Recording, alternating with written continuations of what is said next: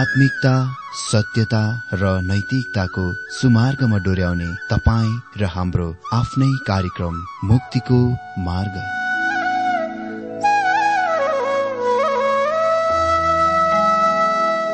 आदरणीय श्रोता यस मुक्तिको मार्ग कार्यक्रममा हार्दिक स्वागत छ। आशा छ यस आत्मिक कार्यक्रमद्वारा जीवनमा आत्मिक आशिष अलौकिक शान्ति र आनन्द प्राप्त गर्नुहुनेछ।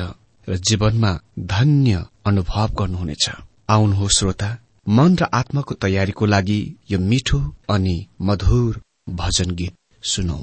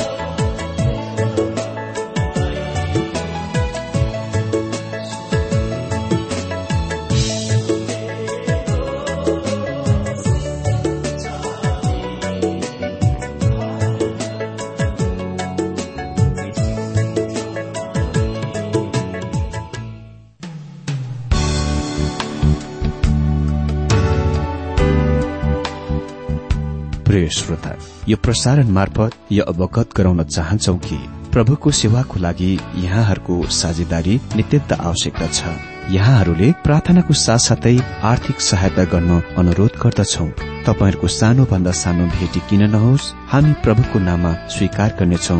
प्रभुको सेवाको लागि। तपाईँहरूको यो सानो लगानीले कसैको जीवनमा भिन्नता ल्याउँछ? अनि प्रभुको महिमा हुन्छ। प्रभु तपाईँहरूलाई महान गरी आशिष दिनुहुनेछ। इच्छुक श्रोताहरूले तपाईँको इच्छा भेटी हाम्रो ठेगानामा पठाउन सक्नुहुन्छ जुन ठेगाना हामी कार्यक्रमको अन्तमा दिनेछौ।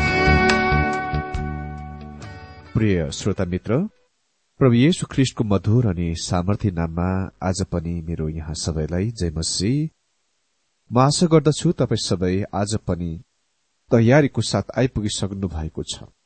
म पनि तपाईँहरूसँगै तयारीको साथ आइपुगिसकेको छु। आज हामी जकरिया सात अध्याय पद आठबाट यस विषयमा अध्ययन गर्छौ जब हृदय गलत वा बेठिक छ धर्म अनुष्ठान पनि गलत अनि बेठिक हुन्छ।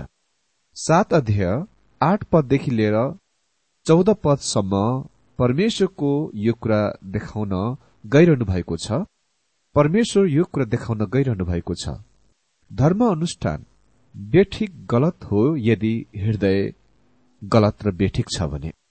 यो उहाँले बिल्कुल अघिका पदमा भन्नुभएको उही एउटै कथनको भन्ने अर्को तरिका जुनको हामीले अघिल्लो दिनमा यदि हृदय सही र ठिक भए धर्म अनुष्ठान पनि सही र ठिक हुन्छ भन्ने विषयबाट देखेका थियौं। अमित्र परमेश्वरले मानिसहरूको जीवनहरूमाथि केही खास विशेष आज्ञाहरू लेख्नुहुन्छ? ती आज्ञाहरू जुनसँग गर्नुपर्ने सरोकार मानिसप्रति मानिसको सम्बन्ध व्यवहार साथै परमेश्वरप्रति मानिसको सम्बन्ध व्यवहारसँग छ। मित्र यो सोच्न गलत हो कि हामी ख्रिस्टलाई सेवा गर्न सक्छौ र केही काम गर्ने कुराका सानातिना धर्म अनुष्ठानहरूका पालन गरेर उहाँको निम्ति महिमाको काम गर्न सक्छौ जबकि हामी उहाँसँग वास्तवमा सही ठिक सम्बन्धमा छैनौं। प्रभु येशु ख्रिस्टको पुनरुत्थान पछि उहाँले सिमन पत्रुसलाई भन्नुभएको कुरा एक सबभन्दा सुन्दर कथन हो। तपाईँलाई थाहा छ?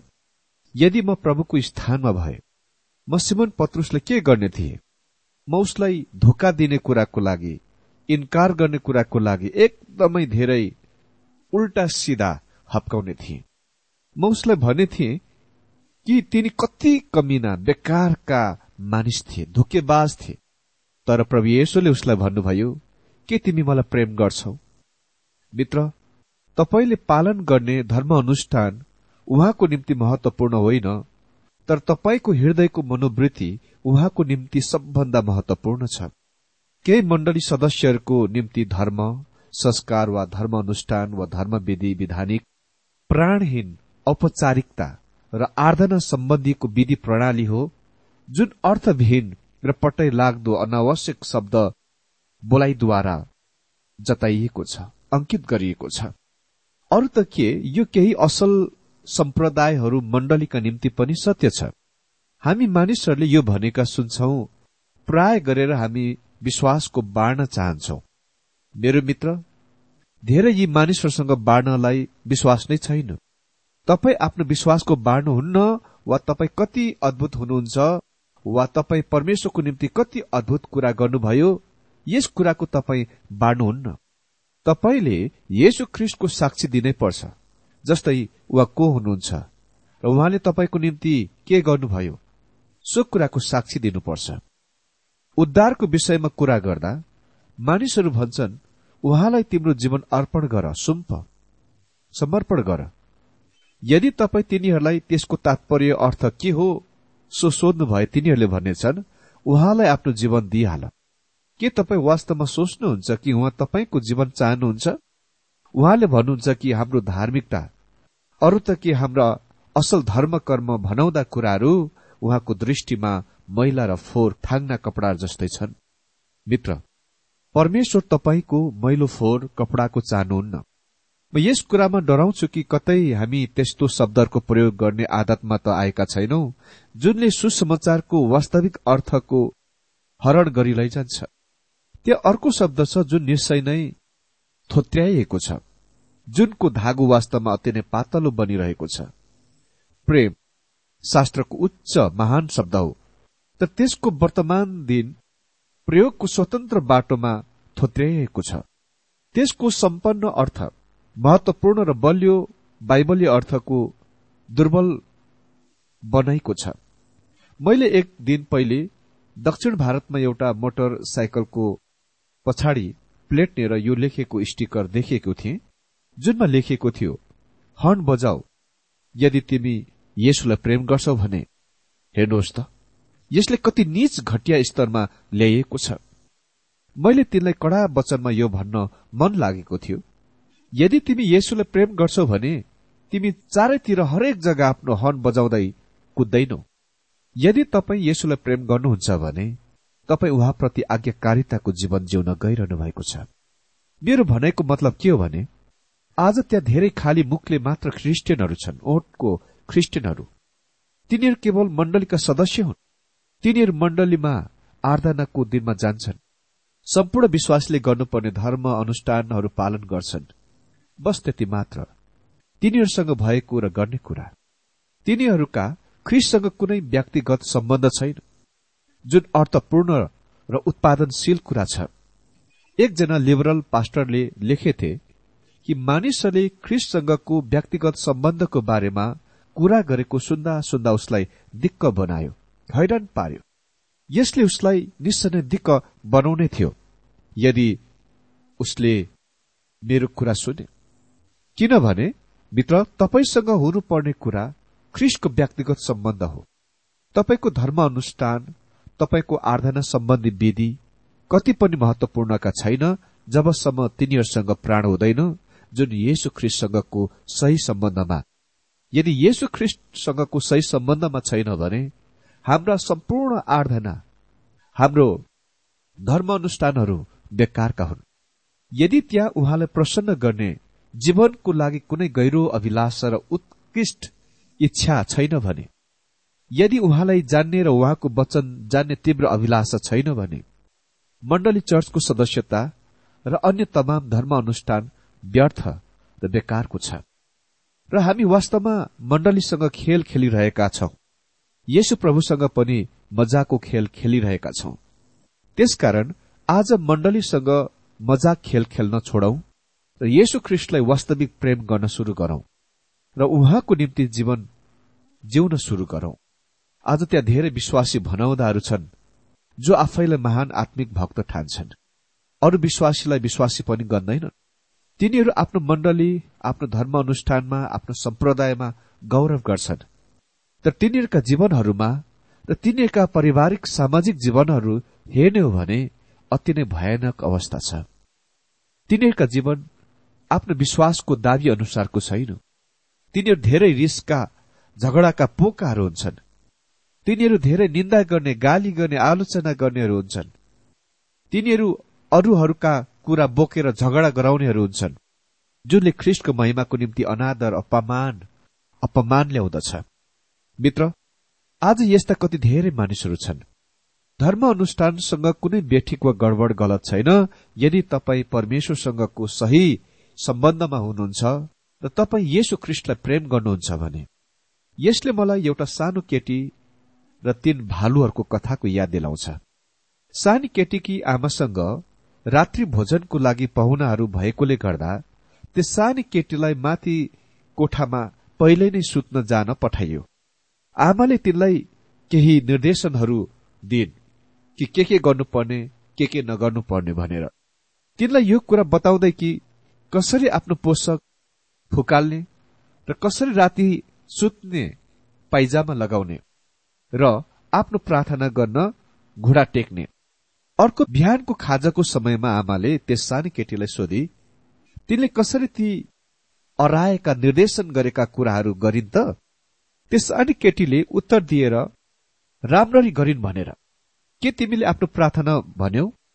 अ मैले भने तर अर्को प्रकारले तिनको उत्तर थियो।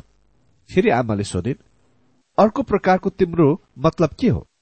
त्यस सानी केटीले वर्णन गरे अ जब म त्यो याद गरेको प्रार्थनाको भन्न घोडा टेकिरहेको थिएँ त्यस बेला मेरो मनमा यो ख्याल आयो कि सधैँ खालि एउटै प्रार्थना सुन्दा सुन्दा परमेश्वर थाक्नुभयो होला।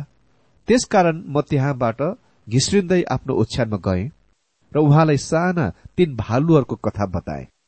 मलाई लाग्छ परमेश्वरले त्यस रातको आनन्द भोग गर्नुभयो रमाइलो गर्नुभयो जब त्यस सानी केटीले पहिले नै बुझिन् कि धर्म अनुष्ठानसँग त्यहाँ केही गडबड हुन्छ? जब हृदय त्यसमा चाहिँ हुँदैन।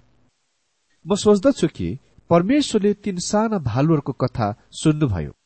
म कामना गर्दछु कि केही चर्च वा मण्डली आराधना सेवाहरू त्यस प्रकारको रुचिकर चाक लाग्दो भए। अनि म सोच्दछु कि यसले परमेश्वरको ध्यान खिच्दछ। किन आज हामीसँग यी सबै समस्याले भरिएका मण्डली चर्चहरू छन् त? किन आज यी सबै क्रिस्चियन समस्याहरू छन्? यो यस कारणले हो कि हामी खालि संस्कार धर्म अनुष्ठानमा भएर गइरहेका छौं त परमेश्वर स्वयंको लागि चाहिँ हृदय बिना त्यसको लागि हामीसँग वास्तविक हृदय छैन।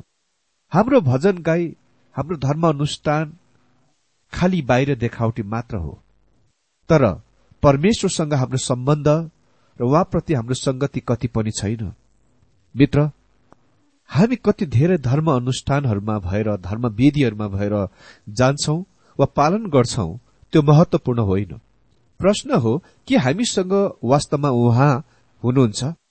के हामी ख्रिस्टको व्यक्तितिर आकर्षित भएका छौं खिचिएका छौं? के हामी उहाँलाई जान्दछौ? के हामी उहाँलाई प्रेम गर्छौ? मित्र तपाईँले चाहे अनुसार जति सक्दो सम्पूर्ण धर्म अनुष्ठानहरूको पालन गर्न सक्नुहुन्छ त्यसको गर्न सक्नुहुन्छ अनि त्यो सही उचित कुरा हुनेछ यदि तपाईँ प्रभुसँग सही र ठिक हुनुहुन्छ भने। महत्वपूर्ण धर्म अनुष्ठान आज मानिसहरूको लागि अति नै विवादस्पद प्रश्न हो। के म यस फल्ना फल्ना धर्म अनुष्ठान वा औपचारिकताको पालन गरौं? वा म त्यो फल्ना फल्ना गरौं? यो फल्ना फल्ना कुरा गरौं? म विश्वास गर्दछु कि निश्चित विशेष धर्म अनुष्ठान वा औपचारिकताहरू धर्म विधिहरू महत्वपूर्ण छन्। म विश्वास गर्दछु चर्च वा मण्डलीमा दुई संस्कारहरू छन् धर्म विधिहरू छन्। म सोच्दछु कि तिनीहरू महत्वपूर्ण छन्। एउटा चाहिँ बत्तीसमा र अर्को चाहिँ प्रभुभोज महत्वपूर्ण कुरा चाहिँ यो हो बत्तीसमा विश्वासीको बत्तीसमा हो। अनि म व्यक्तिगत रूपमा पानीमा डुबाउ बत्तीसमा विश्वास गर्छु।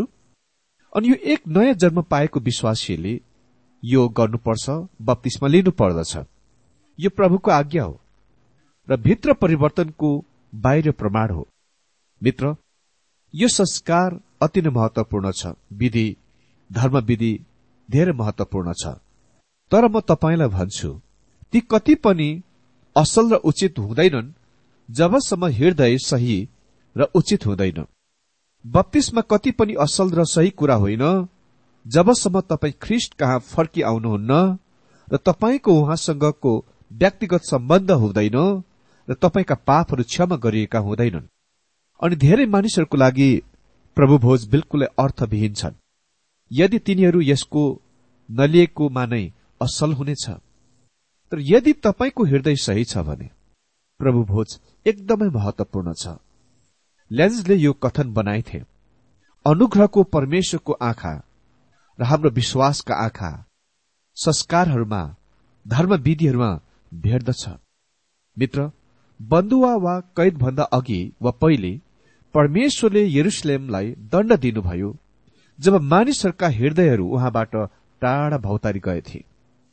यद्यपि तिनीहरू धर्म अनुष्ठानहरू र धर्म विधिहरूको पालन गरिरहेका भए तापनि पश्चातमा परमेश्वरले तिनीहरूलाई भन्नुभयो लेखेको छ यहाँ सात पदमा जब यरुसलेम र त्यसका चारैतिरका नगरहरूका स्थिरता र फलिफाप थियो र नेगेब वा पश्चिमको तराई स्थिर भएका थिए तब के अघिका अगमवक्ताहरूद्वारा घोषणा भएको परम प्रभुको वचन यही होइन र?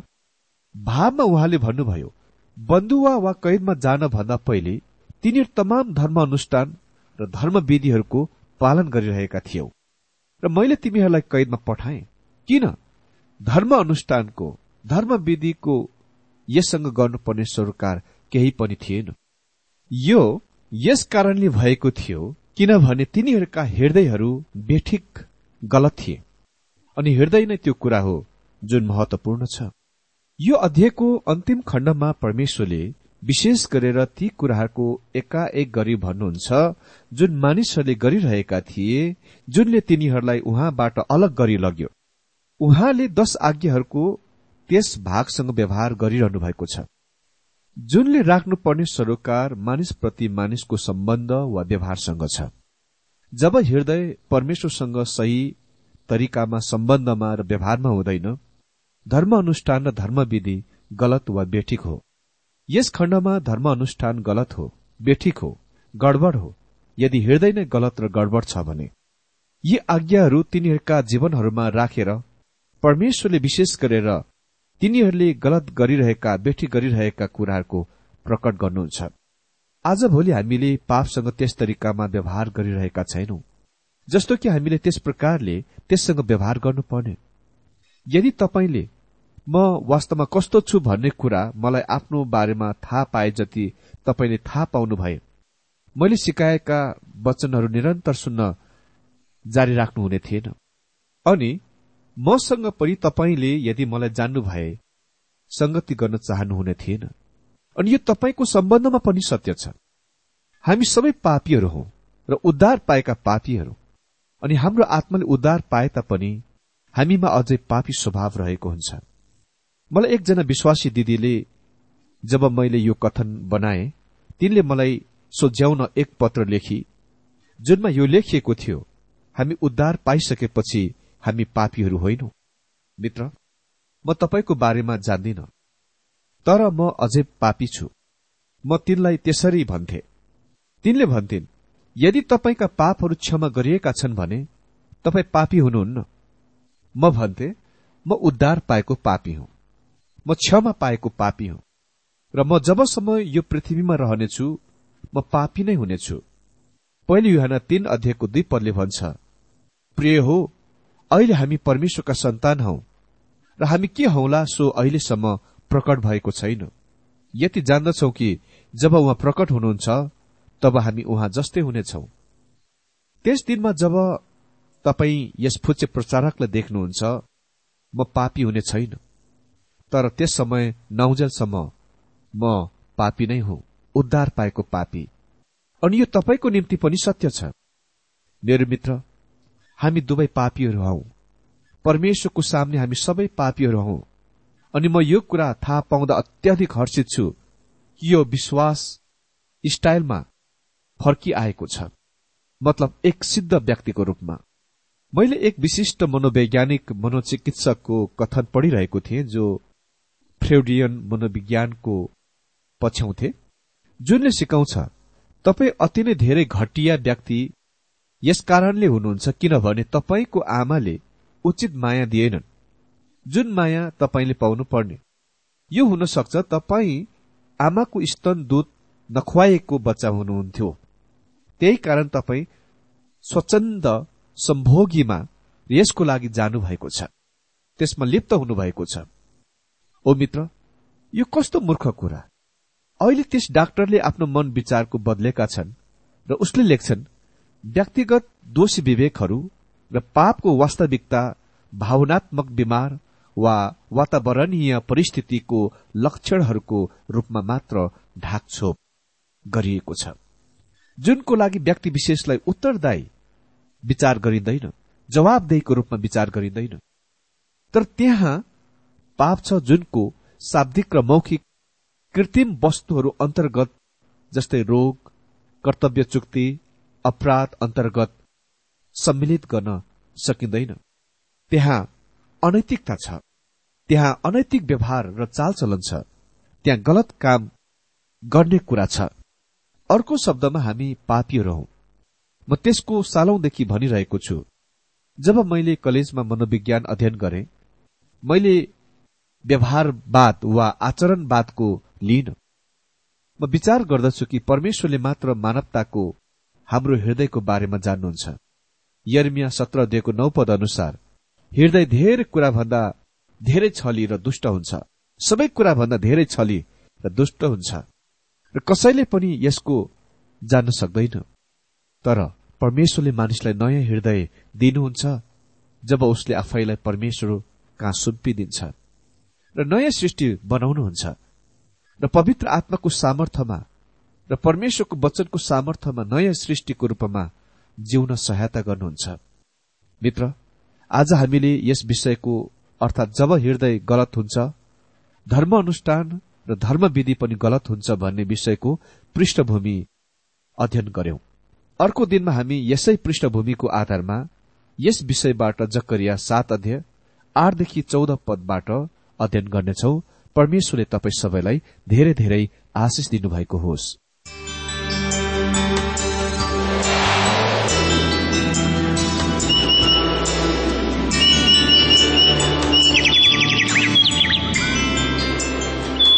प्रिय श्रोता अहिले भर्खरै तपाईँले टीडब्ल्यूआर नेपालद्वारा सञ्चालित आत्मिक कार्यक्रम मुक्तिको मार्ग सुनिरहनु भएको थियो। श्रोता आजको यो कार्यक्रम सुनेर तपाईँलाई कस्तो लाग्यो? यदि यो कार्यक्रम सुनेर मनमा कुनै खुल्दुली वा कुनै प्रतिक्रिया अर्थात सुझावहरू छन् भने हामीलाई पत्रद्वारा लेख्न सक्नुहुनेछ।